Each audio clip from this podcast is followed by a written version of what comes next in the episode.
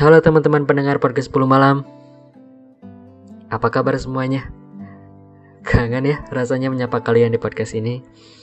Terakhir aku posting episode 10 malam itu Kapan ya? Oh tahun-tahun kemarin malah 2020 Agustus, Agustus, Agustus 2020 kalau gak salah. Cukup lama ya.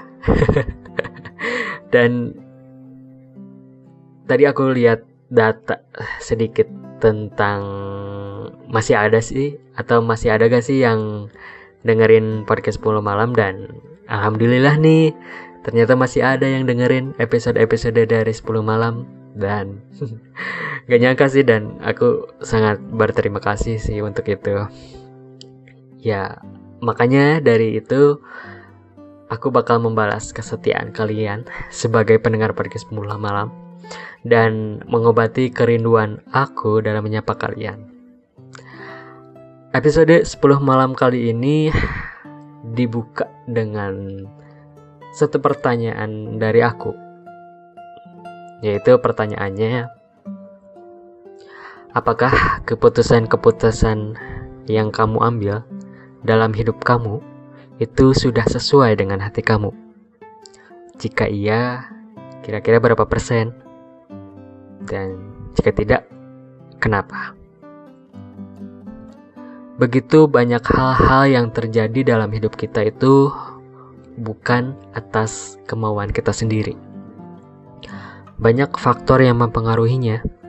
Ya, di antaranya orang tua, keluarga, ekonomi, takut dipandang jelek orang lain gitu gak mau kalah sama teman sendiri misalnya.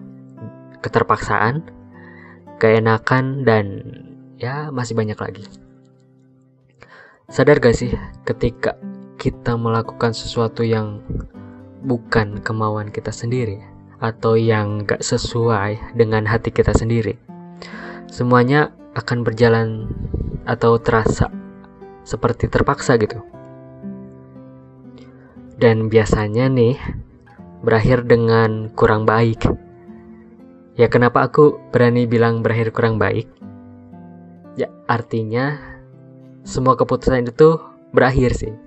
Ya memang berakhir gitu, perjalanannya berakhir. Cuman ketika kita mengakhirinya itu ada rasa yang kurang puas gitu dan nggak menerima rasa bahagia aja gitu nggak ada sesuatu yang bisa dibanggakan sama kita karena bukan kemauan kita sendiri gitu.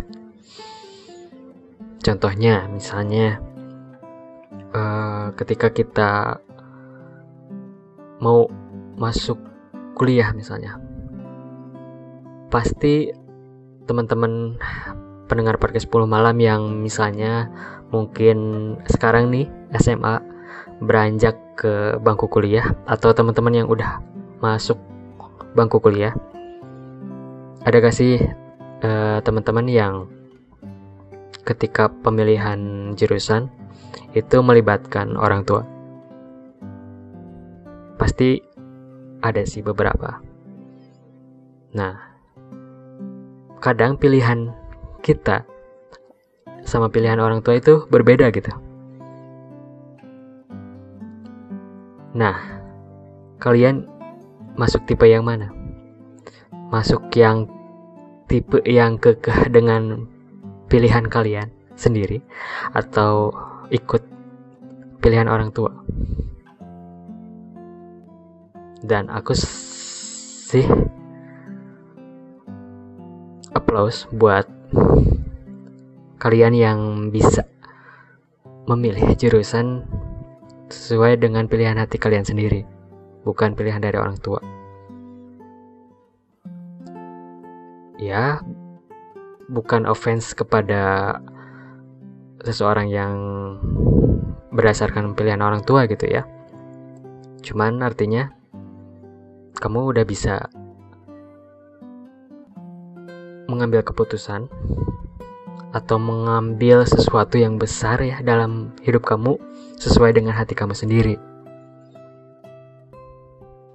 Contoh lain misalnya dalam percintaan nih atau relationship ketika kita memilih atau menjadikan seseorang untuk menjadi pasangan kita, tapi tidak sesuai dengan pilihan hati kita sendiri, semuanya akan terasa hampa sih.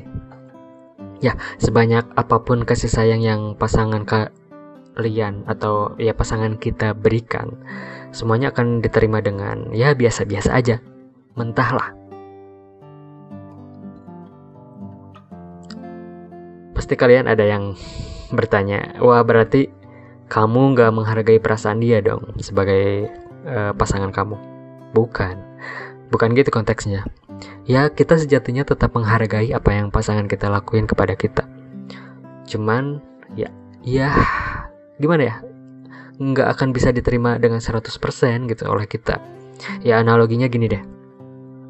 Ketika anak kecil pengen mainan robot-robotan tapi malah dikasih mainan mobil-mobilan ya anak kecil itu bakal nerima aja dan ya happy aja gitu tapi dalam hati si anak kecil itu, kalau dia dikasihnya robot-robotan, dia bakal lebih happy dan lebih bahagia.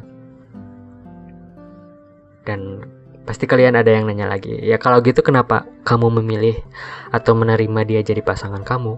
Ya jawabannya, karena banyak faktor dari luar atau bahkan dari, dari dalam diri kita sendiri yang mempengaruhi keputusan kita. Tapi ada satu jawaban yang paling tepat sih yang bisa aku kasih untuk kalian. Yaitu diri kita belum merdeka.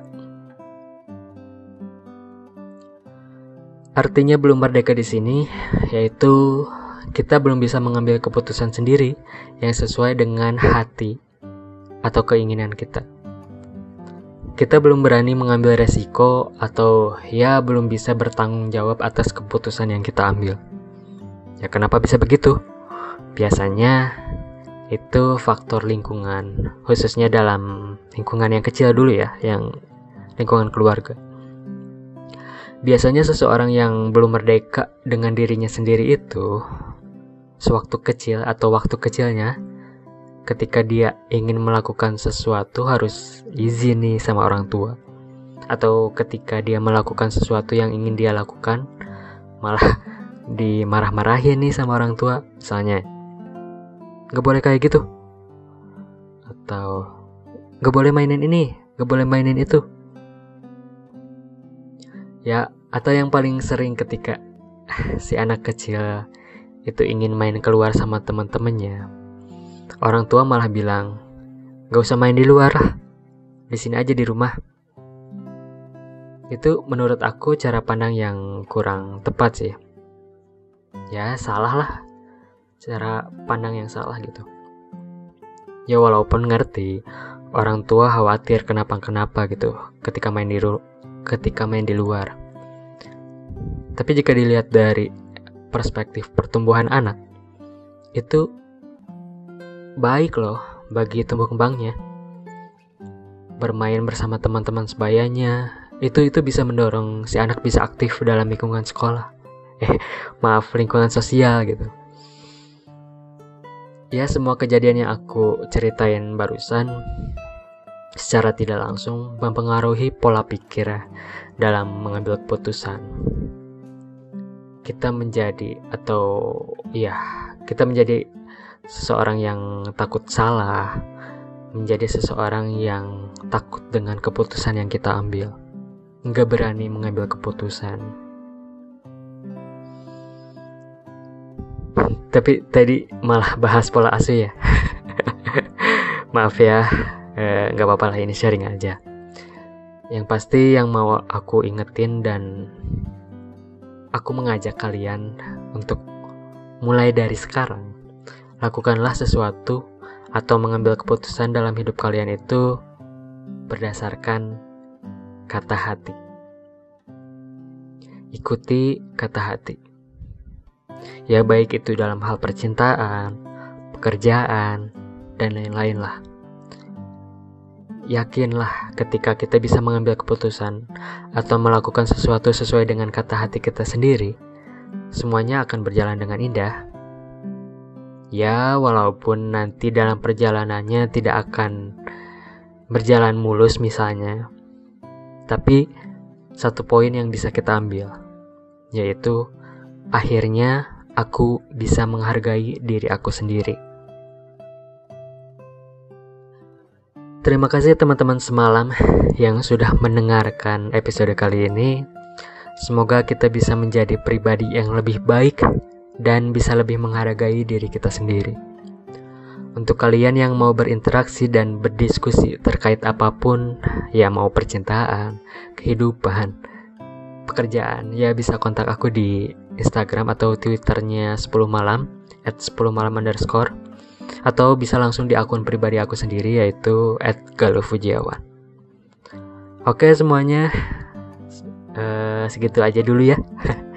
Nanti kita ketemu lagi di episode selanjutnya. Aku pamit. See you. Ciao.